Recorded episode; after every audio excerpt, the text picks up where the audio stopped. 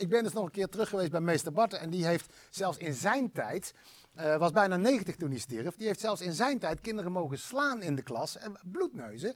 Uh, dat deden de Nou, ouders niet moeilijk over. Hè? Die bloedneus, dat was nou niet echt een normale gang van doen. Dat is dat- wel. Oké, dan, maak ik het, dan maak ik het mooier dan het is. Hij heeft een kind met, een, met zijn neus tegen het bord geslagen en het neus begon te bloeden.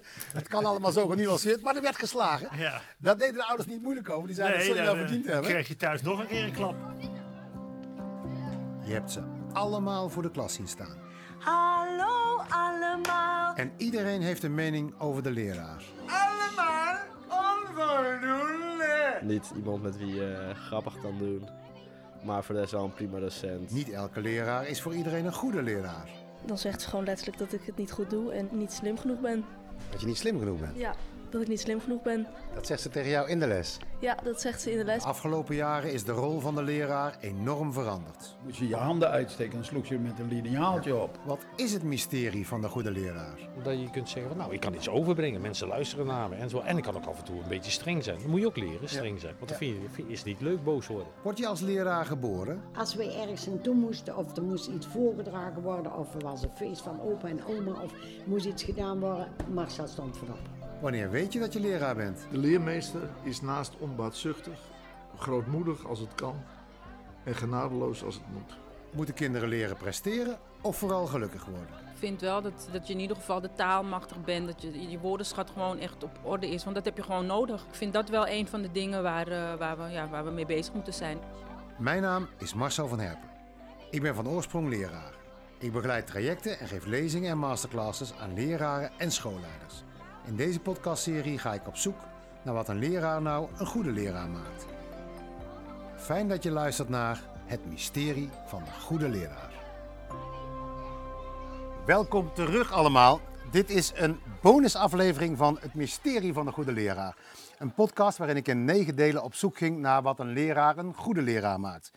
Een zoektocht die verrassender en kleurrijker werd dan ik vooraf had durven dromen toen ik eraan begon. Eh, vandaag kijken we terug met spraakmakende gasten uit die podcast. Ik voer deze gesprekken met Peter Heerschop, die zat zelf ook met zijn verhalen in de podcast Het Mysterie van de Goede Leraar. Maar we beginnen met Annemarie van Oosteren. Zij was eindredacteur en samen met haar man Jan Peels eh, hebben zij deze podcast zo mooi gemaakt als hij is geworden. Annemarie, fijn dat je er bent. Vind ik ook. In een bonusaflevering, dat had je niet kunnen denken dat we dat nou zouden doen, toch? Nee, daar hebben we nog van tevoren, of terwijl we ermee bezig waren, waren we daarover aan het delibereren van hmm, bonusaflevering. Jij was daar heel erg voor. Ja. En ik ben heel lang tegen geweest, omdat ik een aantal podcasts had gehoord waarvan de bonusaflevering dan een soort slap aftreksel werd van... eh, en ook een soort jezelf veren in de reet stekerij, waar ik helemaal niet van hou. Annemarie, wat een prachtige podcast heb je toch gemaakt? Jij ook, Marcel. Nee, we gaan, iets, we gaan inderdaad iets anders doen. We gaan kijken eh, eh, hoe we de podcast gemaakt hebben met jou. Eh, we gaan kijken naar een paar bijzondere momenten. En het fijne van jou erbij als eindredacteur is, jij hebt al het materiaal, en dat zijn ontelbaar veel uren, kunnen luisteren. En uit die uren heb jij, hebben jullie, Jan en jij, eh, deze podcast gemaakt. Zo is het. Ik heb de interviews gedaan, maar jullie hebben daar geselecteerd en, eh, en daar een, een, prachtig eh, verhaal van gemaakt. Ehm, zou je eens kunnen zeggen, even terug naar het begin. Eh, waar ben jij voor je gevoel begonnen? Hoe, hoe werkt dat, het maken van een podcast? Nou ja, het was voor mij ook voor de eerst. Voor het eerst dat ik een podcast maakte. Dus ik vond het ook best een, eh, een, een spannend proces waar we mee eh, starten. Waar het volgens mij mee begonnen is, is ehm, met jou praten. Eh, en ehm, heel erg in de breedte kijken van oké, eh, wat willen we nou precies zeggen? Wat voor vorm willen we kiezen? Want je kunt natuurlijk een podcast maken op allerlei manieren. Ehm, en we wilden een soort een beetje een reportageachtige vorm ervoor kiezen. Met een, ja, een, een, een zoekend element. Want ehm, ja, dat vond ik ook leuk. En ehm, dat vonden we allemaal leuk trouwens. En het is niet zo dat, het nu, eh, dat die podcast door een stel totaal onervaren makers is gemaakt. Even voor alle duidelijkheid. Want Jan Beels, die je al noemde, is echt een radiomaker eh, tot en met. En ehm, hij was gelukkig eh, de ervaren kracht die de techniek helemaal beheerste. En die vooral het mooie, het, het- ja, de podcast mooi heeft gemaakt. Met de muziekjes en de geluidjes en de dingetjes. Ja, en, en eh, goed, hij is er inderdaad niet bij, maar we hebben heel veel reacties gehad op inderdaad de, de, de, de esthetiek van, van de podcast. Zo hadden we het ook gehoopt, maar dat, dat is het werk van Jan. Eh, hij heeft wel eens gezegd tegen mij, heb je eigenlijk wel gehoord eh, wat ik erin gestopt heb? En dan was ik tijdens, dan ging het over een, een, een gymzaal waarin ik iets over eh, zei. En dan had hij op de achtergrond nog een, een, een, eh, een basketbal erin gemonteerd. Die had ik natuurlijk helemaal niet gehoord. Nou, zo perfect is hij daarmee aan de slag geweest. Ehm, een bijzonder moment was voor mij dat, dat jij, jij hebt de titel bedacht. Het mysterie van de goede leraar. Ik was nog op zoek naar, naar wat gaan we doen, wie gaan we interviewen. Waar zullen we op uitkomen? We wilden een zoektocht waarin we verrast werden. Dat is ook zeker gebeurd. Ehm, maar jij bent het een mysterie gaan noemen. Weet je nog waarom? Nou ja, dat was dus wel een beetje ingegeven door de vorm die we wilden hebben. Ehm, en het moest iets spannends hebben. En een mysterie is altijd spannend. Dat weet ik ook nog echt dat ik uit mijn kindertijd, dat ik altijd op zoek was naar mysteries. En helaas stuitte ik nooit zomaar op een mysterie, maar daar hoopte ik altijd wel heel erg op. Ik dacht, dan ga ik er een maken. Ja, dacht, nou dan, dit is mijn kans. Ja. Dus zo, eh, zo kwam het. En omdat, natuurlijk niet alleen maar ehm, daarom, maar ook omdat hoe langer we daarover aan het praten waren, over dat leraarschap en eh, alle kanten die het heeft, hoe meer ehm, ja, ik ook tot de conclusie kwam dat het echt wel een mysterie is. Van wat er voor nodig is om een goede leraar te zijn. Ehm, welke toevalligheden er een rol bij kunnen spelen. Ehm, nou ja, er zitten zoveel kanten aan. Eh, je persoonlijkheid, in hoeverre je bereid bent om je persoonlijkheid een rol te laten spelen in je contact met die kinderen. Nou, dat allemaal maakte dat ik ja, er steeds meer van overtuigd was dat, mysterie, dat het mysterie van de goede leraar ja, de, de beste, meest dekkende term was. Maar de, de kracht van een mysterie is toch dat het een mysterie blijft? En dat is ook zo. Dat Ja. is ook, dat is Dus ook het gebleken. is niet opgelost? Nee, het is niet opgelost. Ik was even bang dat het opgelost Heb je was. het niet allemaal geluisterd, Peter? Nou, Peter, jij Ja, maar kijk, de inzet is natuurlijk om het op te lossen. Dat klopt, dat ik, klopt. Ik ken Marcel klopt. een beetje, die, die zegt dan, ik heb het opgelost. ja. Peter, je zit zelf bijna in de laatste aflevering. Dan zou jij de conclusie moeten zijn. Je weet dat dat niet waar is. Nee, dat is eh, Wat is, wat is het moment, Annemarie, dat jij, dat jij in, dat, in, die, in die zoektocht, goed, we zijn het een mysterie gaan noemen, dat, dat, eh, waar jij in die zoektocht eh, zelf verrast of geraakt bent?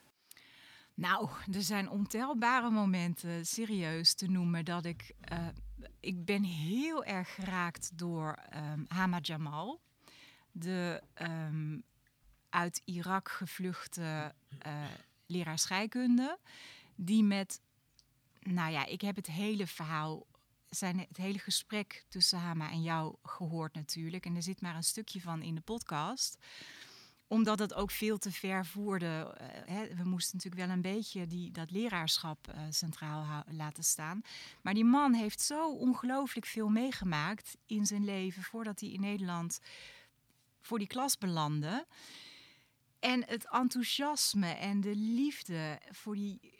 Ja, dat ik denk, hoe, waar haal je het vandaan? Eh, je hebt zoveel ellende meegemaakt, zoveel ellende gezien, ook in je, in je jeugd. Ehm, en dan krijg je het voor elkaar om voor zo'n klas vol met toch wat verveelde, ehm, verwende westerse kindertjes.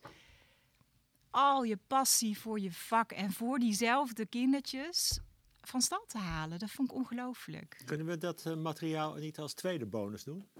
Ja, ik, ik hoor dit en denk, waarom heb ik het niet gehoord? Nou, ho. Want je hebt, je hebt zijn passie heb je gehoord. Jawel, maar jij zei, eh, ik heb het hele gesprek en Ja. we konden maar een heel klein stukje Dat eh, doen. Ja, dat klopt. Dus jij, jij hebt materiaal, Ik heb eh, materiaal wat, wat iets toevoegt aan het mysterie. Nou, nee, dat is... Dat, Jawel, Annemarie, ik wil dat hebben. Dit staat nu op de agenda, Annemarie. Oké. Wat is, wat is, je bent een, ken je als een geweldige speurneus, een hele conscientieuze journalist. Wat, wat, is het, wat is het geheim daarachter? Hij vertelt hoe hij gevlucht is. Hij vertelt dat hij een kind verliest tijdens de tocht. Eh, het drama is echt compleet. En hier zit, nou ja, de, een van de meest emotionele en, en vrolijke leraren die we ooit hebben ontmoet. Ehm, wat heb je daar aan ontdekt? Wat is daar het mysterie van volgens jou? Nou ja, dat, de, de, de man heeft een veerkracht die zijn weerga niet kent. Dat heb je ook aan hem gevraagd. En daar had hij zelf ja, niet echt een verklaring voor. Dat, sorry Peter, zat ook niet in de podcast. Ik vertel het nu. Daar moet je het even mee doen. Hij vertelt het zelf beter. Maar hij, ja, die, hij zei ook, ja, je moet ook een beetje geluk hebben met eh, hoe je in elkaar zit en hoe sterk je bent. En, eh, ja, en hij is toevallig heel sterk en kan het, kon het omzetten naar iets moois. Dat is wat hij gedaan heeft. Ja, dat vind ik prachtig. Vind ik heel mooi. Je hebt het samen met, eh, met, met Jan gemaakt. Eh, op grond waarvan maakten jullie keuzes? Wanneer was het voor jullie goed? Of hoe, hoe komt zo'n verhaal tot stand? Nou, ik heb het idee dat ik de keuzes vooral met jou samen heb gemaakt. Ehm, we hebben heel veel gepraat, ehm, heel veel ehm, nou, vooraf. En op het moment dat jij naar een, eh, naar een interview toe reed, belde je wel eens in de auto van hé, hey, eh, nog even eh, voor, de, voor, de, voor de lijn of waar, waar gaan we naartoe? Ehm, en dan had jij ook, gaf jij ook aan van nou, volgens mij, na afloop van volgens mij is dit een mooi stukje en volgens mij is dat een mooi stukje. En vervolgens ging ik daarmee aan de gang en maakte ik een voormontage. En daar gingen wij dan weer met z'n tweeën over sparren van en wat moeten dan de tussenteksten worden en moet dat er nog bij of niet. En pas op het allerlaatst kwam Jan daarbij en die ging dan echt de fine-tuning doen. Want ik had gewoon een hele ruwe voormontage van knip, knip. En verder kon ik er niks mee eigenlijk. Ehm, maar nou ben ik even je vraag Maar vooraf, kwijt. hoe kwamen jullie aan de gasten? Waar, waar, eh, Ja. waar was dat op gebaseerd? Nou, op het enorme netwerk van Marcel. Want die kent natuurlijk Nou, dan is de vraag heel naar veel Marcel. mensen. Ja, ja er zijn veel gasten die. Nou, laten we zeggen, ik ben, ik ben, eh, ik werd op, op een dag verliefd op de podcast als, als medium. Toen ik het hoorde, dacht ik, wie gaat er nou nog radio-uitzendingen luisteren? Weet je? Ik had vroeger wel eens uit een hoorspel gehoord. ik dacht, ja, we, zitten echt in, in een andere eeuw. Eh, en toen zei iemand, deze moet je luisteren naar, de, de, de Brand in het Land. Hij is een klassieker, er zijn veel klassiekers. En ik, ik, en ik kon niet stoppen met luisteren. Dacht, wat is dit mooi? Dat je, en dat, dat, dat was een beetje overeenkomstig met wat ik had met lezen, wat ik, wat ik eigenlijk te weinig ben gaan doen.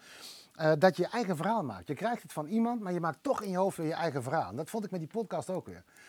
En dus ik had, ik had, laten we zeggen, een droom om een podcast te maken. Dat, dat, en, dan, en dan ga je nadenken, waar, wat in het onderwijs wil ik ontdekken? En na 30 jaar onderwijs is het ook herontdekken. Dus ik dacht, ik begin opnieuw met de mensen te spreken eh, die ik in ieder geval nog wil spreken. Hè, mijn, mijn, mijn, eh, mijn, eh, mijn leraar van de zesde klas eh, is onlangs overleden. Eh, heb ik op tijd kunnen spreken, wilde ik ook nog spreken, omdat, omdat hij mij ontdekt heeft voor het onderwijs. Ehm eh, Freek de Jonge is, is mijn leraar geweest, zonder dat hij wist dat hij mijn leraar was. Want ik, ik zat vroeger zijn, zijn video's te kijken en dat wilde ik zijn, zo wilde ik worden. Ehm, dus ik wilde hem spreken over het feit dat hij een leraar was zonder dat hij het wist. Dus dat rijtje dat werd eigenlijk zo gemaakt op de belangrijkste mensen die ik per se... Mijn oude pedagoog, eh, eh, inmiddels 86, die wilde ik per se nog spreken. Niet alleen om, om zijn leeftijd, maar ook omdat hij gewoon helder van geest is over wat hij heeft meegemaakt en hoe wij het echt anders deden dan wat er nu op de Pabo gebeurt. Ehm, dus bijna de behoefte zo van uit eerste hand nog of zo en, en een soort documentatie. Maar ik stelde oprechte vraag aan jou, omdat, omdat jij vaak zo'n ander verhaal gemaakt hebt van, van wat ik weer terugbracht. Ik was in de ban van een interview waar ik mee terugkwam. En als jij kwam met je tussenteksten, dacht ik, oh ja, zo heb jij ernaar geluisterd. Of, dus het werd een nieuw verhaal. En, en daarmee realiseer ik me dat, dat het voor iedereen die het hoort natuurlijk ook weer een nieuw verhaal wordt. Ja. Dus de, de, het, is, het is echt een co-productie. Het, is, het, is, het, is geen, geen, het zijn geen interviewtjes geworden. Door de manier waarop jullie gemonteerd hebben en mee nagedacht hebben over... We hebben op een gegeven moment de tafel volgelegd met vellen van alle interviews die we hadden gedaan en de thema's die er waren. En, eh, nou, we zullen straks, eh, straks spreken met, eh met Floor en Clemens. Dat was een, een ongoing verhaal wat ontstond in die podcast. Niet omdat ik ze niet kende, maar om, omdat het zich ontwikkelde in... Oké, nu moet je even, want jij stelde de vraag ook aan Annemarie, wat, wat, wat, wat, wat zij daaruit haalde, welke speciale, eh, wel- welk speciale gesprek zij eruit, daar noemde ze iets. En jij hebt gezocht naar mensen die jij al kende, die iets voor jou hebben betekend. Wat heeft het voor jou veranderd? Of wie heeft echt iets veranderd? Of van wie dacht je, hè, dat is anders dan ik dacht? ja, denk, wat zeg je? Ja, ik, Ja, zeg eens. Ja, dat is onzin, want het is een vraag aan jou. Maar ik denk meteen aan juffrouw Els. Ja.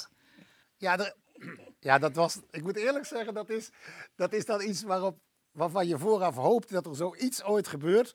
Maar dat, dat had ik natuurlijk in mijn stoutste dromen niet kunnen vermoeden. Ehm, dat ik aanbel bij juffrouw Els en, en, dat, en dat, ik, dat ik voor haar kom. En dat ik denk, ik ga een vraag stellen. En dat ze tegen mij zegt, ik weet wel waar jij voor komt. En dat ik daar helemaal niet voor kwam. En dat dat ja, bijna het, het, het meest bizarre en, en, en meest eh, onthullende moment is geweest van van, eh, van de podcast. Waar kwam jij voor en, en wat dacht Ik, zij? ik, eh, ik Even ben mijn, eh, mijn, mijn leraren van de, van de lagere school. Ik had dus meester Barten al geïnterviewd, die mij ontdekt heeft, leraar van de zesde klas, hoofd der school. Maar ik heb er een paar gehad op de lagere school. En, en sommigen woonden nog niet al te ver uit de buurt in dat dorp. En dan ben ik gewoon naartoe gewandeld, letterlijk aangebeld, eh, de, de een na de ander. Eh, tot ik bij juffrouw Els kwam. En de vraag was altijd, met mijn rapportje in de hand, ik heb ze allemaal nog, wil je even voorlezen wat je over mij geschreven hebt? Ik heb ze met mijn lezingen wel eens gebruikt. En, en, en weet je nog wie dit is? Want ik herken dit kind niet. Nou, ze herkenden mij nog wel. Ze, ze, ze beschreven allemaal een lichte vorm van wat ze nu ADHD zouden noemen, zeiden ze. Ehm, en, eh, en dat was eigenlijk min of meer al, al genoeg of de grap van, van, van die ronde. en ik kwam bij juffrouw Els en die, eh, die, eh, die zag de microfoon en die dacht, ja, jij komt verhaal halen, want ik heb jou ooit op de gang gezet. Eh, en niet een beetje op de gang gezet, met stoel en tafel op de gang gezet, met, met de rug naar de klas, Ja. met je neus in de kapstok. Ja. Omdat je niet te doen was in de klas. En daar heb ik, en dat, dat, dat heeft zelfs gevolgen voor, de, voor het boekje wat ik geschreven heb. Daar heb ik geen enkele actieve herinnering aan. Ja, ik, ik begin eh pr- premierverschijnselen te vertonen, dat weet ik. Ik heb hier geen actieve herinneringen. Nou, ik vind het gewoon voel voor psychologen. ja, serieus. Dat is gewoon, dat is toch een, rein, een, een, staaltje verdringing van heb ik met jou Dat daar. zou kunnen. Ja. Dat zou kunnen.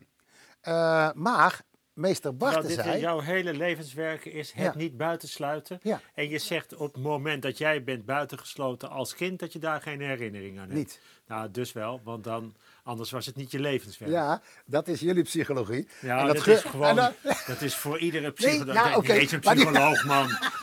Die gun ik je ook wel. En dat was ook mijn eerste gedachte. Het mooie was, ik ben dus nog een keer terug geweest bij meester Barten. En die heeft zelfs in zijn tijd, eh, was bijna 90 toen hij stierf. Die heeft zelfs in zijn tijd kinderen mogen slaan in de klas. En bloedneuzen.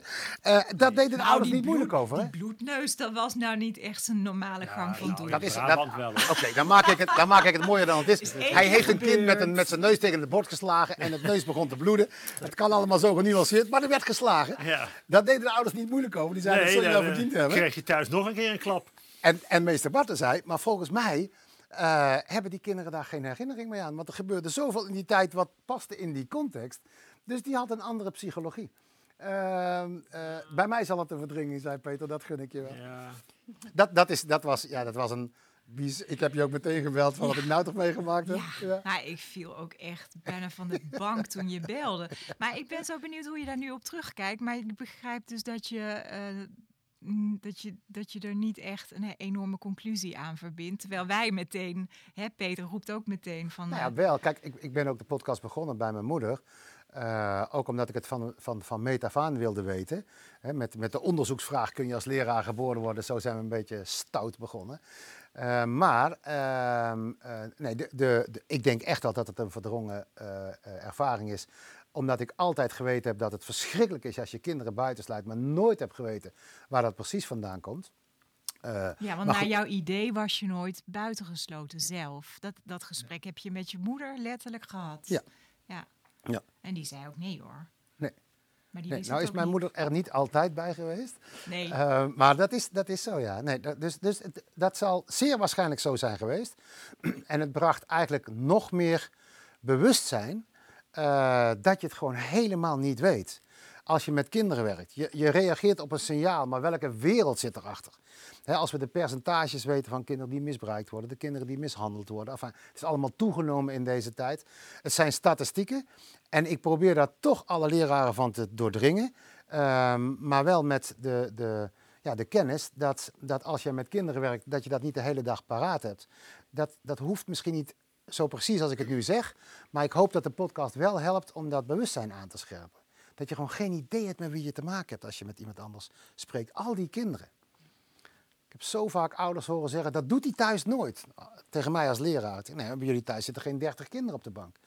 Dus dat elk kind anders is. En dat, dat vond ik, ja, dat heeft me in deze podcast op, op verschillende momenten ook wel echt geraakt in de verhalen die eh, verteld zijn. Omdat ik de mensen kende die mij ook weer kenden in dat. eh, ja. ja. Peter zat ook in de podcast. Ja. Met het verhaal van Mick. Van Nick. Ja. Nick, sorry. Ja. Ehm, en daar ben ik als eindredacteur ook eh, eh, verantwoordelijk voor. voor ehm, dat de luisteraar een stukje gemist heeft van jouw verhaal. Weet je wat ik bedoel? Ja, eh, ja, ik weet niet wat de luisteraar mist. Wat, wat wil je horen van me? Nou, De, de echte slechte afloop. ja, precies. Ja, maar ja, die is er niet voor niets uitgehaald. Nee, dat klopt. En dat vind ik ook. Daar heb ik het met Marcel over gehad. Kijk, het gaat over een jongen waar, waar van alles mee was en, eh, en waar ik in blijf geloven. Zal ik even eh, schetsen wat het is en dan weten we ook welk eind eraf is? Dat was een, eh, een jongen, ik was mentor van 4 HAVO. En nou, die wilde niet deugen, deze, deze Nick. En, eh, maar ja, het was mijn leerling. En iedereen heeft recht op iemand die onvoorwaardelijk achter hem blijft staan. Dus eh, dat neem ik al, als zeer bijzondere taak, ook als mentor. Wat anderen ook zeggen, hij moet weg hier en we kunnen er niks mee. En hij is er niet en hij maakt zijn eh, toetsen niet en, enzovoort. Ik vond het wel een bijzondere jongen.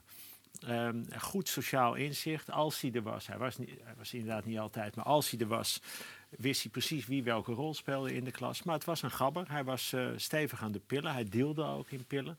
Daarom was hij het hele weekend ook weg. En maandag ja, zelden op school en dinsdag veel te laat. Maar ik geloofde wel in hem en eh, ze wilden hem wegsturen. En ik zei, nee, dat gaat niet gebeuren. Dan, eh, ik, ga hem eerst nemen. Dus zeg maar wat hij moet inhalen, zeg maar wat hij moet doen. Dan komt hij naar de gymles en dan gaat hij daar in, eh, in het kamertje, in ons kleedkamertje zitten. Dan gaat hij daar dingen doen. Ik praat met hem, hartstikke goed. Jullie vergissen je ernstig. En nou, de eerste keer hadden we afgesproken, moest hij iets na, was hij er niet. Ja, eh, hadden we om eh, half negen afgesproken, kwam hij om een uur of tien. Ja, sorry. Ik zeg, oké, nou, eh, maar nu heb ik geen tijd. Morgen ben je er weer om half negen, was je er weer niet. Nou, het, het ging vrij moeizaam. En, ehm, maar ik, bleef, ik vond het iedere keer weer, ik, ik ben in hem blijven geloven. En ik had ook goede gesprekken met hem. En ik voelde me ook door hem begrepen. Ik, ik, ik dacht dat ik hem goed begrijp, kon begrijpen. Uiteindelijk is hij toch van school gestuurd. En, en toen kwam ik, eh, later kwam ik zijn vader tegen op straat. En eh, ik zeg, ik zeg eh, eh, dus was toen hij net van school was, een paar maanden na de zomervakantie. Zei, hoe is het met, eh, met Nick eigenlijk? Ja, die is duikinstructeur in Thailand. Ik zei, nou daar ga ik heen. De volgende zomer, ik ga van hem. Team. Hahaha. Ik heb dus altijd, ik heb gelijk gehad. Ja, die jongen die is geweldig. Eh, dus ik erheen, de, de volgende zomer, duiken geleerd van hem. En, ehm, en daarna, eh, we hadden, ik had dat eh, brevet. Hij zegt, vanavond gaan we wat drinken. Ik zeg, tuurlijk, gaan we gaan wat drinken, gaan een biertje drinken. En hij was hartstikke gezellig, een biertje, nog een biertje. En, en toen zei hij opeens, weet je dat je mijn, eh, mijn leven eigenlijk totaal verknald hebt? En toen zei ik, nou, wacht even, ik ben, ik ben de enige die naast jou is blijven staan. En toen zei hij, nee, jij was de, de enige die ik vertrouwde. Jij was de enige die iets in mij zag. Maar eh, je vond alles maar goed. En als ik het niet was, dan zei hij, nou, dan komt het morgen wel en zo. Ik had geluisterd naar je. Als jij had gezegd, als je er morgen niet bent, dan flikker je lekker op. Want eh, we hebben toch iets met elkaar. We, we staan toch voor elkaar. En je laat mij niet vallen, ik laat jou, jou niet vallen. Je had, je had me keihard moeten aanspreken. Nee, jij vond alles maar goed. Je vond alles maar mooi. En nou, ik, ik, ik, heb moeten vluchten. eh, want ik, mensen krijgen allemaal geld. Ik ben naar Thailand gevlucht. Ik kan niet meer terug. En nou, je hebt me echt mijn leven verknald. En, en eh, nou, tot daar hebben we het verhaal verteld. Ja. Eh, ehm, het heeft wel, toen heeft het me al heel erg eh, veranderd. En, maar nu komt het, het tweede deel van het verhaal. Was dat ik ehm, een jaar later, anderhalf jaar later, ehm, belde zijn vader. Die zegt, Nick is dood. door een een verkeerde dosis eh, eh, eh, slaappillen en antidepressiva. En toen zei hij nog, ehm, wil jij komen spreken op de, op de begrafenis? Want jij was de enige van school die echt precies wist waar hij behoefte aan had. En dat heb ik niet te- tegengesproken. Terwijl ik wist wat er was gebeurd. Niet dat ik me ook daar schuldig aan voelde. Ik wilde dat ook niet zo ontnemen of zo. Dat ik... We hadden echt iets samen gehad en toch had ik het anders kunnen doen. En ik weet niet hoe het dan was afgelopen. Maar het heeft voor mij wel totaal veranderd dat ik dacht, wacht even. eh, we denken heel veel, we zeggen altijd, ja, we denken heel erg vanuit het kind of vanuit de leerling. Nee, we denken vanuit de relatie. Je moet voortdurend voelen, wat heeft, wat heeft die nodig? En soms heeft iemand gewoon nodig dat je hem figuurlijk een bloedneus slaat. Eh, ehm, bijna. En dat, is, dat zat niet in mijn arsenaal. Toen dacht ik, oké, dat moet ik anders zien. Als je maar in de relatie blijft en, blijft, en je kunt laten voelen van dit doe ik voor, voor jou. Hè? En, en be- ben je het eens? Zijn we het eens dat ik deze weg volg? Dat moet je wel steeds koppelen. Dat het niet alleen jouw weg is. Het heeft, het heeft eigenlijk mijn, mijn hele kijk op onderwijs ook weer veranderd. Nou, dat, maar dat laatste deel hebben we er afgehaald, omdat het helemaal op het eind zat van, van de podcast. En ik vond het ook te wrang. Of te... Ja, dus we, we, wilden... Marcel, ja, dat die Nou, ook de dit- conclusie was zwaar, eh, terwijl de conclusie daarvoor al even krachtig was. En dat is dat als je die relatie aangaat en, en het werkt, eh, we gaan daar zo meteen natuurlijk over doorpraten, het werkt, de relatie is er, dan brengt hij ook een verantwoordelijkheid met zich mee. Precies. Eh, dat loopt soms nog slecht af, dit is daar een voorbeeld van.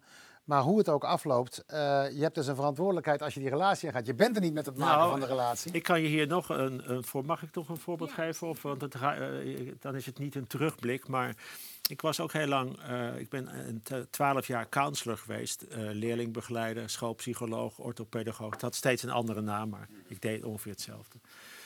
En soms voelde je. Eh, ik weet nu wat er aan de hand is. Eh, na gesprekken met een leer- leerling. En, en dat is ook een kick, hè? Voor een begeleider is de kick waar niemand achter komt, kom ik achter. Tegelijkertijd het besef, kan ik hier iets mee? Kan ik nou, als ik dit nou boven haal, kan ik deze jongen of dit meisje helpen? Of moet ik nog even wachten tot ik weet wat ik ermee kan doen? En dat is ontzettend moeilijk, want je voelt die opwinding van... Raar is dat je als begeleider ook een opwinding kunt voelen. Oh, nu komen we er ergens. Eh, maar de, de basisles op mijn studie was... Je moet het wel aankunnen. En je moet iemand ook dan kunnen bieden. Als, je, als jij de eerste bent waar iemand iets aan vertelt... dat is een grote verantwoordelijkheid. Eh, Dan kun je niet zeggen... oké, nou goed dat je een keer hebt verteld... ik zie je over drie weken. Eh, ik, vond het, ik vind het een van de allermoeilijkste dingen van leerlingbegeleiden. Dat je, dat je, dat je moet. Nou, wat jij zegt, je hebt een ultieme verantwoordelijkheid en die moet je aankunnen.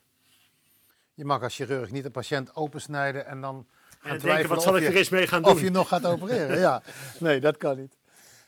Ik zie je denken Ja, aan. nee, ik ben veel te veel eindredacteur. Ik zit hier ook veel te veel. Ga eens gewoon als Nee, eindredacteur. Wat, wat wou je zeggen? Nee, ik wou nog heel eventjes eh, ehm, zeggen waarom, waarom we dat er niet in hebben gedaan. Want ehm, het punt van die verantwoordelijkheid kon je ook maken zonder dat Nick doodging. En ehm, het was een van de laatste afleveringen. Het was de laatste voor de ja, soort van terugblikaflevering. En we wilden de luisteraars die zich al heel erg bewust aan het worden waren van die verantwoordelijkheid die ze dus hadden, niet ook nog eens met zo'n ja, hoe het helemaal mis kan gaan verhaal het bos insturen. Even los van het feit dat het natuurlijk niet één op één op jou terug te voeren is dat Nick uiteindelijk overleden is. Hè? Dat staat buiten kijf. Maar die schijn moesten we niet eens wekken. En, de, en, en ja, Maar waarom vraag je er dan nu wel naar? Dan wil ik dat Omdat dit er eruit geknipt iets- wordt. ja, maar goed. Ik, nee, nee, ik, Nee, meen dit. Waarom iets- vraag je het nu wel? Ik vraag het nu omdat we nu iets meer ruimte en tijd hebben om er wat langer op door te praten. is dan toch hetzelfde? Nee, dat denk ik niet. Kijk, de, we, we zaten in die aflevering, ging het alleen maar over wat als het moeilijk gaat. Dat, dat, was, dat was toen het thema van die aflevering. Nu kijken we terug. Nu kijken we naar, oké, en wat heeft de indruk gemaakt en wat. Dit is een hele andere aflevering, wat mij betreft. Ja, en de, de, conclusie, de conclusie van eh, je bent verantwoordelijk als je relatie aangaat, was met dat punt al gemaakt. Precies. Eh, en er zaten een paar verhalen aan het einde. Waar, aan het begin heel veel verhalen waar het grappig en vrolijk en, en nog leuker werd. En op een gegeven moment een paar verhalen waar het, waar het slechter afliep. En, en dat kwam wel bij elkaar. Van als je nou afgaat, als je nou eindigt met. En dit kan ook nog gebeuren. Dat was niet wat we de, de luisteraar mee wilden geven. Terwijl jij nooit een claim hebt gelegd op het, op het hele verhaal. Ehm, maar het is, het, het is eh, vind ik, ook de moeite om het te bespreken. In de zin dat het, dat het wel eh, indringende ervaringen zijn waar je niet van kunt leren als je de ervaring nog niet hebt gehad. Eh, ik heb als, als, als jonge leraar te weinig, denk ik, eh, verhalen meegekregen. waar, waar, waarin je voelde wat het betekende wat we nu aan het doen zijn voor de, voor de toekomst. Hè. Het, het nieuwe boekje heet niet voor niks werk voor de, voor de reunie. We zijn ook in die podcast er steeds achter gekomen dat je het achteraf zo precies weet. Iedereen schrijft zijn memoires na afloop en dan, en dan is dat een les. Dat is voor veel mensen geen les. De ervaring is vaak een les. Maar dit zijn zo'n indringende ervaringen dat we weten dat je hebt recht van spreken als je dat meemaakt. Dus ook als je dat deelt met anderen. Nou, en dan, en dan is het een, een redactionele keuze. Maar, maar de, de, de, het, is, het, is een, het, is een, het zijn indringende verhalen om te delen met elkaar. Ehm, ja, maar ik, ik denk zeer belangrijk om, eh, om te ervaren, zeker voor jonge mensen, eh, die, die weten wat het betekent als je met, met, met kinderen optrekt, die, eh, waar je goede relaties mee probeert aan te gaan. Dat is de uitdaging van iedereen. Kijk, het, gaat hier om dat je soms denkt dat je een relatie hebt. Maar dat moet je voortdurend blijven bestuderen. Dat, dat is eigenlijk mijn boodschap hierin. Je, je, soms ben je te snel tevreden, want ze kunnen je ontzettend neppen ook.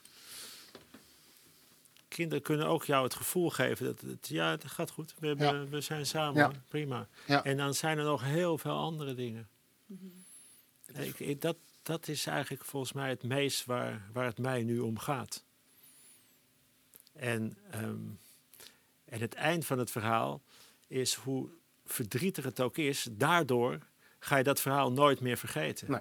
En het andere verhaal kun je wel vergeten. Ja, zo is het. Je, je, je hebt het helemaal niet bedoeld als bruggetje, maar het kan niet anders dan dat we, dan dat we oversteken naar, naar Floor Nouwens en Clemens Schenen. ja, het is... eh, het is Jij eh, ziet overal wel een bruggetje. Nee, ik zei het was niet bedoeld als bruggetje. Maar je, Ja, maar raakt, je ziet het wel je raakt, je raakt en een verdrietig thema en je zit in het hart van de relatie. Nou, als er, als er op één aflevering heel veel inhoudelijk is gereageerd, dan is het op aflevering 6, jullie aflevering. Ehm, een aflevering waar eh, veel in elkaar viel en, en eigenlijk ook voor jullie.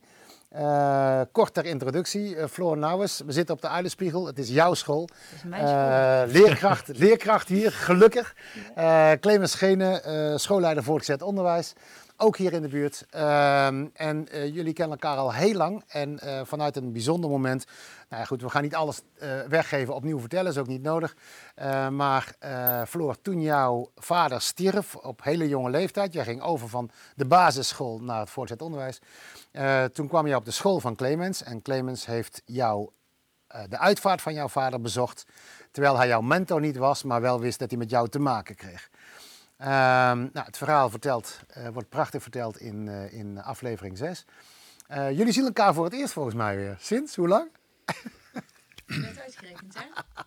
Nou, het is 25 jaar geleden dat ik, dat ik Oh, ja? in de klas had. Ja, ja we, hebben, we hebben net berekend dat we een, een zilveren jubileum hier, hier op, eh, school Jullie kennen elkaar nog wel terug? Of, eh?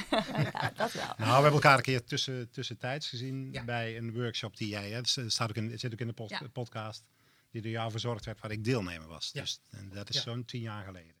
En, in, en in, die- in die workshop die jij mocht geven, Floor, zei jij dat er iets heel bijzonders was eh, gebeurd. En dan refereerde je aan Clemens en daardoor werd Clemens geraakt. Enfin, zo hebben jullie, eh, zijn jullie bijzonder geweest in elkaars levens, zonder dat je elkaar heel veel getroffen hebt. Ehm, nu zie je elkaar weer voor het eerst. Als je teruggaat naar dat, naar dat eerste moment waar jij terugdenkt aan Clemens als, als leraar. De leraar die dus op de uitvaart van jouw vader was geweest, terwijl jij naar een nieuwe school komt. Nou, waar, je, waar je toch behoorlijk een, een, een, natuurlijk een ongelukkige indruk beschrijft van hoe je dat moet gaan doen als puber. in je Ja, absoluut. Ja, zeker. Eh, hoe herinner, wat zijn je, je eerste herinneringen aan Clemens? Ehm, ja, kijk, we kenden elkaar toen nog niet. Hè? Dus eh, ik wist dus ook niet dat hij bij de uitvaart geweest was. Pas eh, toen wij in gesprek raakten en waarbij ik dus dit deed, hè, van eh, niemand komt hier eh, binnen. Ehm, toen dus Clemens hè, met zijn rolkrukje naar mij toe kwam gereden. Toen al. Toen al. Toen ik al merkte, hè, toen liet je ook merken, of daar liet je aan me horen van dat je er geweest was bij de uitvaart. En ehm, ja, toen viel de harnas ook meteen af, weet je wel? Dat je denkt van, ehm, ehm, ja, jij was er toen, dus ik had weinig woorden nog nodig om te vertellen ja, hoe dat met mij ging, want dat heeft, had hij gezien, zeg maar. Nou, Dus, kunnen, nou kunnen we zeggen, dit heb je misschien al vaker verteld. Maar heb jij hier herinneringen aan? Met andere woorden, vertel je dit verhaal omdat je dat vaker verteld hebt? Of kun je echt nog terug naar dat moment? ja, ja, daar kan ik echt naar terug. Oh ja. Wat gebeurde daar dan? Eh, naar dat moment in die klas? Ja? Ehm, ja, dat ik ook vertel hè, dat, hoe die klas al stond, waar die klas was, welke trap ik op moest om daar te komen. Dat, daar kan ik gewoon helemaal naar terug. En ehm, eh, niet alleen door, door die momenten dat Clemens naar mij toe kwam rijden met zijn rolkrukje om eventjes te checken. Want dat, dat moment, dat zal ook echt niet iedere week zijn geweest. En, ehm, ehm, maar ja, dat, dat, dat zit hem in, in meer. Ehm, ik weet dat Clemens ook contact zocht met ons mam. En eh, dat contact was er, weet je wel. Dus dat... ehm, het zit hem in de lessen die leuk waren. Iedereen had zin om eh, naar jouw lessen te gaan, weet ik ook nog. Dus eh, het zat hem in hoe ik daar ook in die les zat. Ik ging daar gewoon ook heel graag naartoe, zeg maar. Ja, en dan de band, ja, die, eh, die, eh, die was klein. En Clemens heeft toen ook niet gemerkt dat hij voor mij zo fijn was, omdat het hem in... Ja, daar was het even... ehm, ja, daar, daar, daar, daar was ik. Waar had hij het aan kunnen zien dat jullie relatie goed was? Wa- wa- hoe was jij anders bij Clemens dan in situaties, bijvoorbeeld bij leraren die, die, die niet bij, bij die uitvaart waren geweest? Mm, ik weet niet of je, of je dat echt eh, kan merken of zo. Zo klein. Ja, zo klein denk ik. Ja. Clemens, jij gaat dus naar een uitvaart van een, van een, van een vader, van een kind, wat je, wat je in de klas krijgt, maar waar je geen mentor van bent. Waarom? Waarom? Omdat ik me verantwoordelijk voelde. Ik, eh, ik, ik, ik, ik kreeg de post doorgestuurd van de eh, school en het was in de zomervakantie. Hè, dus eh, ik denk, nou dan, dan ga ik daar naartoe en dan ga ik als een soort vlieg op de muur. Hè, want ik, ik, ook dat moment kan ik me nog wel goed herinneren. En ik weet ook dat ik heel bescheiden eh, tegen de achterwand, want het was iets, je voelt je toch een beetje een voyeur hè, bij, bij een familie die je niet kent, bij een, een, die je nog niet kent. Maar het mooie is wel dat je een leerling een beetje leert kennen en dat je een vader leert kennen. Eh, op dat moment nog. Ehm, dus, dus ik ben daar geweest. En, en dat was wel meteen inderdaad in, in, in, de kennismaking ook wel. Dat daar, daar zat dan in ieder geval een, een, een band, zal ik maar zeggen. Kijk, wat, wat, wat Floor nu beschrijft en eh, wat, eigenlijk wat Peter ook al zei, van, van je bent vaak ook wel een beetje op zoek naar eh, ehm, eh, wat, wat kun je voor iemand betekenen of wil je dat of, of, of, moet je dat, moet je daarin in, intreden of niet. Hè? Dat is, kijk, het is 25 jaar geleden, toen was ik nog een jonge god. Hè? Toen was ik 35, eh, eh, nog vrij, eh, nog redelijk groen in het onderwijs. En dan, dan is dat best lastig. Hè? Het is niet zo dat ik, ik wist wel dat we, dat we een goede verstandhouding hadden. Maar, maar wat je in de podcast ook wel terug hoort, dat ik lang gedacht heb van ik, ik had meer willen doen voor Floor. Ik, ik, heb ook, ik had ook het gevoel, ik heb, ik heb wel eens gezegd van God, als, als het nodig is, dan loop bij me binnen. En, en, maar ze liep eigenlijk nooit binnen. Dus dat, dat, dat gevoel zat bij mij wel een beetje van, had ik niet, had ik niet toch wat nadrukkelijker, had ik... Want dat is heel bijzonder in dat- de podcast. ja. Dat jij vertelt, Floor liep nooit binnen, terwijl ik zei, loop maar binnen. En jij beschrijft dat, dat Clemens regelmatig naar jou toe rolde. En dat dat gesprek eigenlijk ongoing was. Daar hebben jullie echt een andere beleving volgens mij. Ja, ik was toen overigens niet, niet, niet gehandicapt of dat soort dingen. Ik had, ik had inderdaad, het was zo prettig. Ik had, ik had een lokaal in, eh, altijd in, in, in de uuropstellingen, wat jij volgens mij in de podcast ook vertelt. Maar dat vond ik prettig. Dan, dan zie je ook iedereen, dan kun je ook makkelijk contact. En ik had inderdaad een, een soort, ja, is dat, een soort schilderskruk zal ik maar zeggen, op, op wieltjes. Dat je ook makkelijk, als je een verhaal ging vertellen, dat je even dichterbij kon komen. Vond, vond ik het gewoon prettig. Eh, eh, dat ik nu op het ogenblik rol is, is dan toevallig ook alweer mooi. Maar ik heb net een operatie gehad, dus eh, ja. Hier heb je een andere beleving. Je hebt echt het idee dat dat gesprek steeds zich ontwikkelde met Clemens. Hmm. Ja, en ik denk wat Clemens net ook zei. ehm, kijk, wanneer je ehm, je verhaal moet gaan doen bij iemand die je vader niet kent, of eh, dan, dan denk je ergens al van. Laat maar. We hebben dat schrijf ik op een gegeven moment ook in die podcast. Als je begint te vertellen, eh, ik denk dat iedereen dat wel eens herkent bij iets heel intens. En je begint te vertellen en dat je je eigen hoort en dat je denkt, nou, dat slaat nou eens echt de plank eventjes helemaal mis. Ehm, want ehm, ja, hè, nou kan ik het zo vertellen, zeg maar, eh, dat het lijkt alsof ik er geen emoties bij heb. Terwijl ik dacht, oh, jullie moesten eens weten waarvoor ik, waarvoor verdriet ik heb, weet je wel. Maar ja, nu eh, gaat het goed, weet je wel. Dus, ehm, en eh, wat Clemens net dus ook zei, van, ik, doordat ik daarbij was, had ik het gevoel dat ik Floor haar vader heb gekend. Ja, dan heb je geen woorden meer nodig. Want dan, dan eh, ja, hè, op, een, op een crematie, dan, eh, dan spreekt eh, de broer en de zussen. En, hè, dus dan, ja, daar kan, daar kan ik daarna gaan vertellen, maar dat komt nooit meer zo over als op dat moment. Ja, en over kleine verhalen, want het zijn natuurlijk altijd kleine verhalen. Ja. Eh, bij mij blijft nog het beeld hangen dat Clemens beschrijft dat jij dan schelpjes op de kist legt. Ja, kleiner kun je het verhaal niet maken, maar dan, Ja. dan zie je daar echt een meisje dus. eh, waardoor het echt gebeurd is. Ja. Jij bent nu zelf leraar. Eh, je, hebt dit, je, hebt dit, je hebt dit meegemaakt. Iedereen maakt zo zijn eigen ervaringen mee. Dit is een belangrijk verhaal voor jou. Eh, eh, je, je bent een prachtige leraar op een mooie school. Eh, maar hier gebeurt ook van alles. En ik weet dat hier een paar jaar geleden bijvoorbeeld ook een vader gestorven is. Ja. Be- be- hoe, hoe ga jij daar dan bewust mee om, naar aanleiding van dit verhaal ook? Of heeft dat geen relatie? Ja, dat denk ik wel. Ja, maar ehm, ja, zeker weten dat je dat, dat, dat, dat neem je mee. Ja, daar neem je absoluut mee. Wat heb jij gedaan voor die kinderen? Ik dat zo vragen? Ehm, de oudste jongen zat toen, eh, er, waren, er was een gezin met twee jongens. En de oudste jongen zat toen bij mij in de klas. Ehm, dat gebeurde ook plotseling, dus dat was eh, heel onverwacht. En het moment dat wij telefoon kregen dat dat gebeurd was. Ja, wij hebben ook een team. Op Heiligspiegel hebben ook een team wat eh, echt eh, eigenlijk allemaal daarin hetzelfde denkt. Ehm, want we gingen meteen eigenlijk eh, rond van, hé, hey, wat, kunnen we, wat kunnen we doen? Wat, wat, wat is helpend, zeg maar, hierin? Ehm, ja, en ik weet, ik moest die maandag niet werken toen hun terug op school kwamen na dat weekend dat het gebeurd was.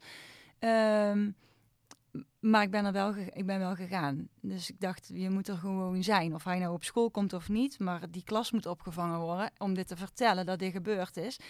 En eh, dat doen wij met z'n tweeën. En dat deelden wij ook weer met de leerkrachten van, eh, de, de, van de jongste jongen. En die zeiden ook meteen, wij zijn er ook met z'n tweeën. Ehm, dus hè, er zijn, zeg maar. Hè, dus eh, dat, eh, dat is dan het eh, belangrijkste wat je dan ook meeneemt, zeg maar. Dat je denkt, we moeten er gewoon zijn. Nou, halverwege die dag kwam die jongen ook binnendruppelen. En dat je hem op schoot kan nemen. En kinderen op schoot kan nemen met hè, vrienden die enorm verdrietig waren. Ja, die je dan bij je kan nemen. En met de kinderen een plan kan maken van wat kunnen we, wat kunnen we doen. Hè? Wat, Jullie hebben met de kinderen een plan gemaakt. Ja, zeker. Ja. Wat hadden de kinderen bedacht? Ehm, ze wilden een, eh, een boek maken, volgens mij, met eh, tekeningen erin. En eh, ja, die zo snel mogelijk daar, eh, daar naartoe eh, brengen. Ja. We Dus- zijn een paar jaar verder. Heb jij, heb jij iets bijzonders kunnen betekenen voor die kinderen nog? Ja. Door wat je hebt meegemaakt? Nou, ehm, toen mijn eigen kinderen naar school toe gingen, toen ehm, kreeg ik eh, weer wat meer ruimte. Hè? Zo werkt dat dan.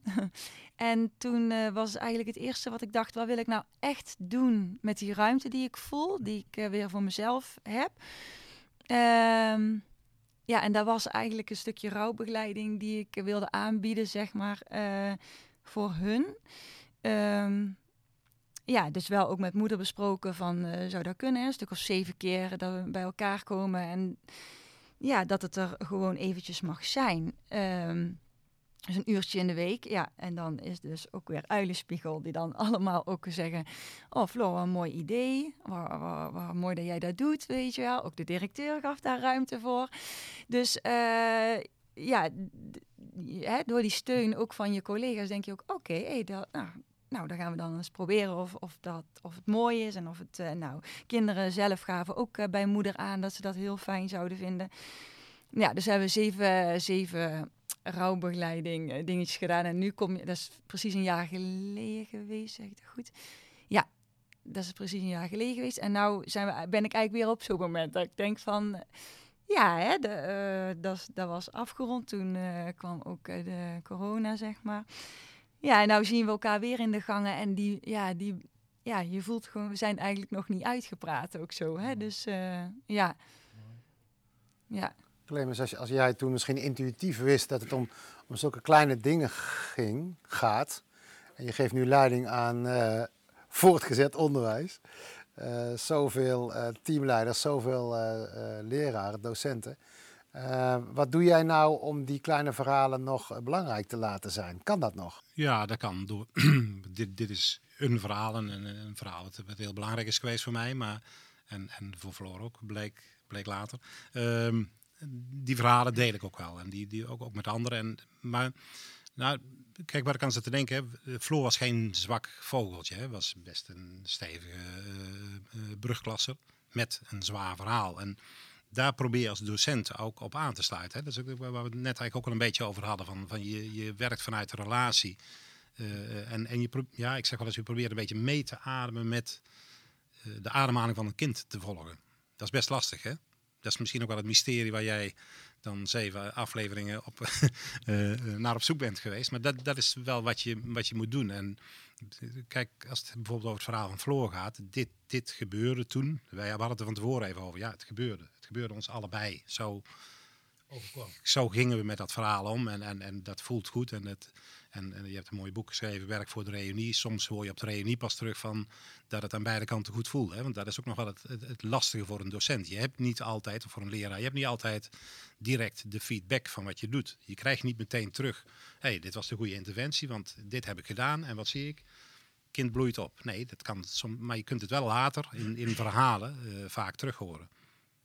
Maar het is, dus dat is, dat, is, dat, is, dat is denk ik het mysterie. Maar je moet altijd kijken. En, en, en, en- en- en bij een ander kind, eh, je had het in de podcast vond ik ook grappig over jouw vriendin die altijd met je mee ging naar die. Dat was Marlies, of niet? Ja. ik, ik Wordt het een reunie, of, Ik, eh? nou, ik zat de podcast terug te Waar is ze, luisteren waar en is ik- En Marlies was, was weer een, een heel ander eh, type. Misschien wel, eh, eh, wel wat tegenovergestelde hè, van, qua maar, maar ik, ik, kan me voorstellen dat dit bij Marlies was gebeurd. Dat je er mogelijk heel anders op gereageerd had als, als, als leraar. Dat je, dat je het weer anders doet. Dus je kan dat ook niet in een boekje. Je kan niet, dit, ons verhaal kan je niet in een boekje nu zetten van... jongens, dit is de handelwijze bij het overlijden van de vader. Dan ga je zo te werk. Nee, en, en dat maakt het ook zo... Dat maakt het zo'n ontzettend mooi vak, maar ook wel een heel eh, moeilijk vak. En het verhaal van Peter net gaf dat ook wel aan. Hè? Want soms moet je, moet, je, moet, je, moet je beschikbaar zijn en het laten dat is genoeg. Of, of, of dat iemand weet, hij is er of zij is er voor me.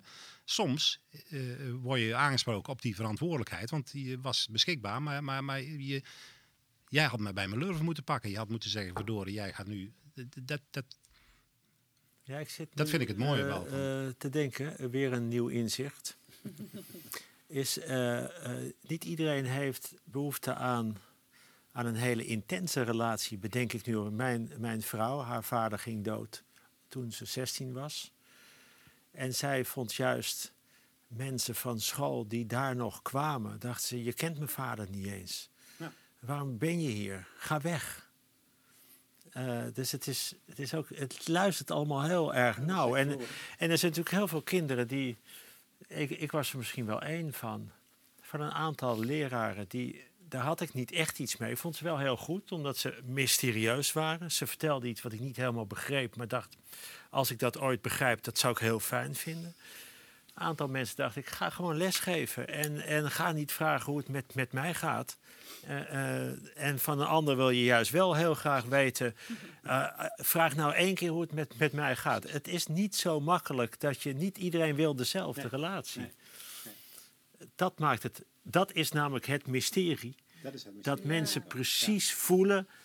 Jij hebt dat nodig. Jou laat ik met rust. Jij vraagt aan mij alleen de vakman. Jij vraagt aan mij een soort eh, vaderrol. Jij vraagt aan mij dat. Dat is ontzettend moeilijk. Ik vind dat jij dat prachtig beschrijft, Floor.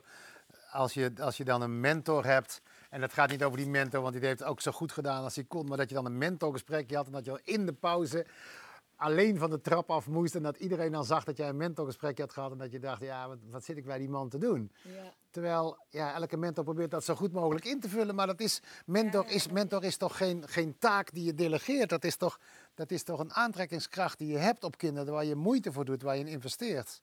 Dat is geen vast uur waarin je overlegt. Het enige, je moet alleen iemand het gevoel geven dat hij dat die belangrijk is. Dat je, dat je dat laat voelen en, en hoe je dat vorm geeft. Dat kan ook door iemand eh, eh, met rust te laten. Ja. Nou, daarom vind ik vaak in, eh, misschien een zijspoortje, maar in het onderwijs ook zo mooi dat je nu ziet dat leerlingbegeleiding steeds vaker plaatsvindt in, eh, in de schooltuin of, eh, of eh, in, het, in, het schilderatelier. Of, ja, dat je, dat je ja, ik, ik noem dat dan altijd maar het taarten van Abel eh, concept, hè, zal ik maar zeggen. Maar dat je, dat je gewoon samen aan de slag gaat en dat je dan intussen ben je met elkaar in gesprek. Maar niet dat je met, met, je, met je vinklijstje waar de goede vragen op staan eh, je gesprekje voert. Want dan, dan is het inderdaad op, op, op een tijdstip af. nu ben ik mentor. hè, net was er nog niks aan de hand. Nu is het half tien, nu ben ik mentor. Nu ga ik even met jou. Dat kan natuurlijk, dat snapt vragen iedereen. Maar dan, ja. Clemens, had jij het gevoel als je, dat jij van jouw mentorklas iedereen echt kende? Ehm, ik denk dat ik er veel best goed kende. Laat ik het zo maar. eh, ja. En Ja. wat, wat deed jij daarvoor? Wat, eh, waren toen nog huisbezoeken bijvoorbeeld in die tijd? Of, In, eh, in het begin wel, maar dat, ja, ik, ik weet niet of een huisbezoek nou heel veel opleverde. Ja, Ik, ik, ik, kende, de- de- ik kende de kinderen vooral in de schoolsituatie. En, en die kenden hun achtergrond wel. wel eh, dat is nu veel uitgebreider en nu weet je veel meer over kinderen. Ja. Nee, maar ik denk dat ik, laat ik het dan zo zeggen, ik denk dat ik vaak genoeg kende om, om een goede relatie met elkaar te hebben en om, om, om vertrouwen eh, er, er te zijn voor kinderen in vertrouwen. En soms, maar ik heb, ik heb het nu soms bij, bij leerlingen dat ik, de- eh, dat, ik, dat, ik zeer, dat ik wel de achtergrond goed ken. Hè, omdat eh, bij ons op school het met zorgteam erover heb. En dat ik soms dat ik, dat ik, dat ik verbaasd ben hoe goed die kinderen het op school doen. Als ik dan kijk naar eh, uit wat voor thuissituatie die bijvoorbeeld komen. Hè, dan denk ik. Want dan, en dan heb je ooit docenten die zeggen, die zeggen van ja, maar die leerling, die, dit of dat is er aan de hand. En dan zeg ik ja, maar dat is, is toch dat is niks als je vergelijkt met, met, met, met waar dat kind vandaan komt. Dan, dan, dan waar heb je het over? Ja, en daar zit het natuurlijk ook in. Hè? Ik denk ook het woord nieuwsgierigheid. Hè? De nieuwsgierigheid naar kinderen, de nieuwsgierigheid naar hoe ze zijn, waarom ze doen. Daar vind ik denk ik ook het mooiste aan, aan het leerkracht zijn. En dat je die nieuwsgierigheid ook, eh, dat je de ruimte hebt om ehm, die nieuwsgierigheid toe te laten. En ook eh, daar, daar eh, ja, op in te zoomen. En niet alleen als je op school bent, maar dat gaat eigenlijk maar gewoon de hele tijd door. Hè? Dat je Waar ook, ben je dan precies nieuwsgierig naar? eh, mij, ik ben ja, heel nieuwsgierig waar, waar gedrag vandaan komt, waar eh, reacties vandaan komen. Ehm, ja, eh, blik in ogen. Ja, ik, ja, ik mer ja, tenminste, dat, dat vind ik echt het mooiste aan het leraarschap. Dat ik, dat ik ieder jaar weer nieuwsgierig raak van. Ja, en hoe krijg ik jou betrokken? En hoe krijg ik jouw welbevinden omhoog? En, eh, en die nieuwsgierigheid om dat continu op te zoeken. ja, dat, en dat hoor ik eigenlijk bij Clemens ook niet door, hè, doordat je, dat is het, maar door achter die komma nog te blijven kijken van, ehm, ja, wat, eh, wat is jouw, wat is jou, wie ben jij in plaats van, ja, dat, Ah, eh, som- dat soms Annemarie, wat, wat, wat is jou daar het meest in opgevallen in deze nieuwsgierige? Want jij bent ook heel nieuwsgierig als je dit maakt. Waar, waar ben jij achter gekomen? Als je dit hoort, als zij, dit is hoe zij iets voor elkaar hebben betekend. Wat, Nou ja, ik denk inderdaad dat het gaat om oprechte interesse voor elkaar. Of als, voor een, van een leerling, voor van een leraar voor zijn leerlingen.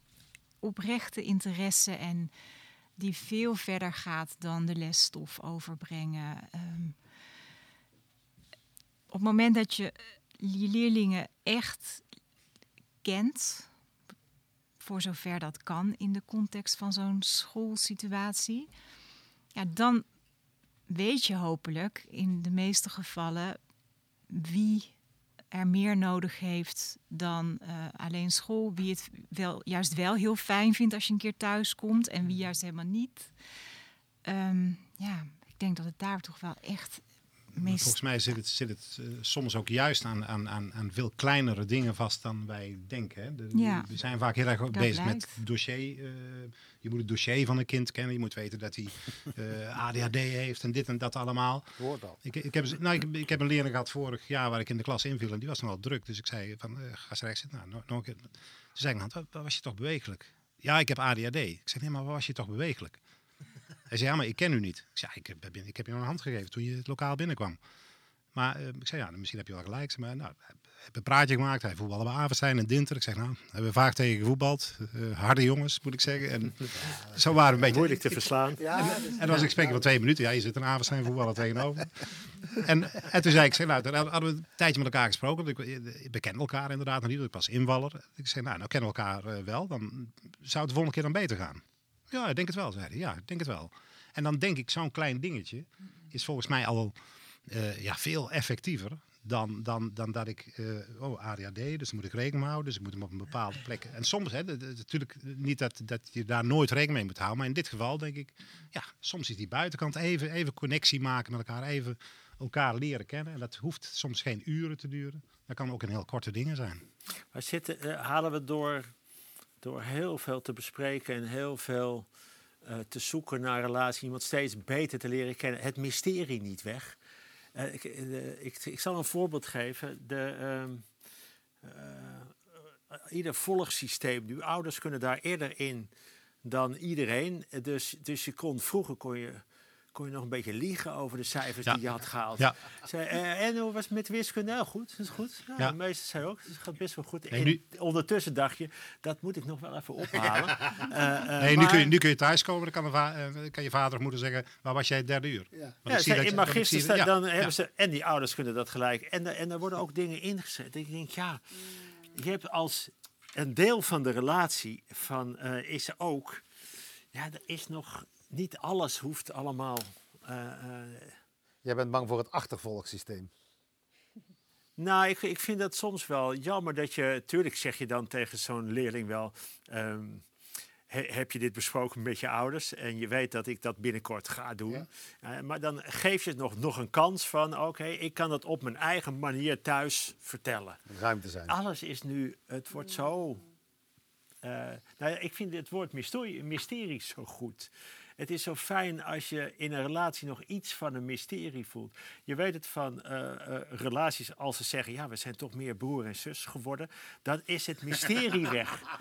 En je wil, je wil een mysterie hebben. Je wil, en dat is waarom je eh, verder gaat. Je wil, je wil toch denken, ja, ik ken de ander nog niet helemaal.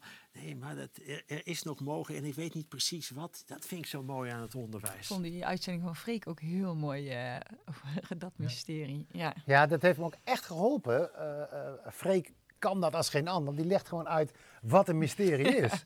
Ja, dat, is, dat, dat vond ik ook mysterieus. Zoals veel verhalen die hij vertelt. Maar dat heeft de podcast ook echt geholpen om een bodem te leggen onder dat onderzoekje onder wat is een mysterie eigenlijk. En hoe is het de moeite om te blijven zoeken terwijl je weet dat je het nooit zult weten. Dus dat het om die zoektocht gaat. En toen, toen ik een oud leerling bezocht, uh, Marije, uh, omdat ik niet wist hoe zij mij ervaren had, kwamen we er eigenlijk achter dat dat precies klopt. Omdat, omdat zij het verschrikkelijk vond dat ik op huisbezoek kwam. Want zij wilde niet dat ik, dat ik een inkijkje kreeg in die thuissituatie. Daar had ze een goede reden voor. Dus ze vond dat toen niet fijn. En achteraf heeft ze die inspanning toch gewaardeerd. En dat zijn verhalen waardoor de, de, de podcast veel, veel, kleur, veel kleuriger is geworden dan, dan, dan ik of iemand het kan vertellen. Dat zijn verhalen die moet je dus krijgen van iemand die ze heeft meegemaakt. Jullie verhaal, jouw verhaal. Ja, maar de kracht zit. Kijk, jij zegt het gaat, dat zeggen mensen ook, het gaat niet om het doel, het gaat om de reizen naartoe. En dat is ook een bekend spreekwoord, is nee, het gaat om het gezelschap. Kijk maar naar, naar ik heb ze ook allemaal zitten luisteren. Het, ga, het gaat uiteindelijk altijd over met wie heb je dit meegemaakt. Ja. Dus het, daarom ben je zo belangrijk als leraar. Het mysterie zit in, in dat je mag meelopen met iemand. En, en dat is de kracht. Niet wat je uiteindelijk gebruikt, niet welke middelen, niet die hele tocht. Ze allemaal prachtig zijn, maar met wie ben je onder, on, onderweg? Da, daar gaat het voortdurend om. We zijn terug bij de kern. We zijn aan het einde van het gesprek. In één zin, Annemarie, jij bent achter de schermen gebleven. Wie was jouw favoriete leraar en waarom? Oh, voor mij? Ja. Niet uit de podcast? Nee. Nee, gewoon. Oh, ja. Mijn um, leraar um, Latijn, um, meneer Akkermans. Oh, ja. En ja. zin, waarom? Die was streng, doch rechtvaardig en vooral heel lief en geïnteresseerd. Dat was jij ook bij het maken van de podcast. Dankjewel. Aan jou en aan Jan. Aan Floor en Clemens. Fijn dat jullie hier aansloten. Peter, fijn dat je er weer bij was. Dit was de bonusaflevering van de podcast Het Mysterie van de Goede Leraar. We hebben deze opgenomen tijdens het CPC-congres ter gelegenheid van ons vijfjarig bestaan. Ik maak deze podcast samen met Annemarie van Oosteren en Jan Peels. Reviews en sterretjes zorgen ervoor dat anderen deze podcast goed kunnen vinden. Vragen, opmerkingen of je eigen ervaringen kun je delen op ons podcastplatform op centrumpedagogischcontact.nl slash podcast. Graag tot de volgende bonusaflevering als aan die kant.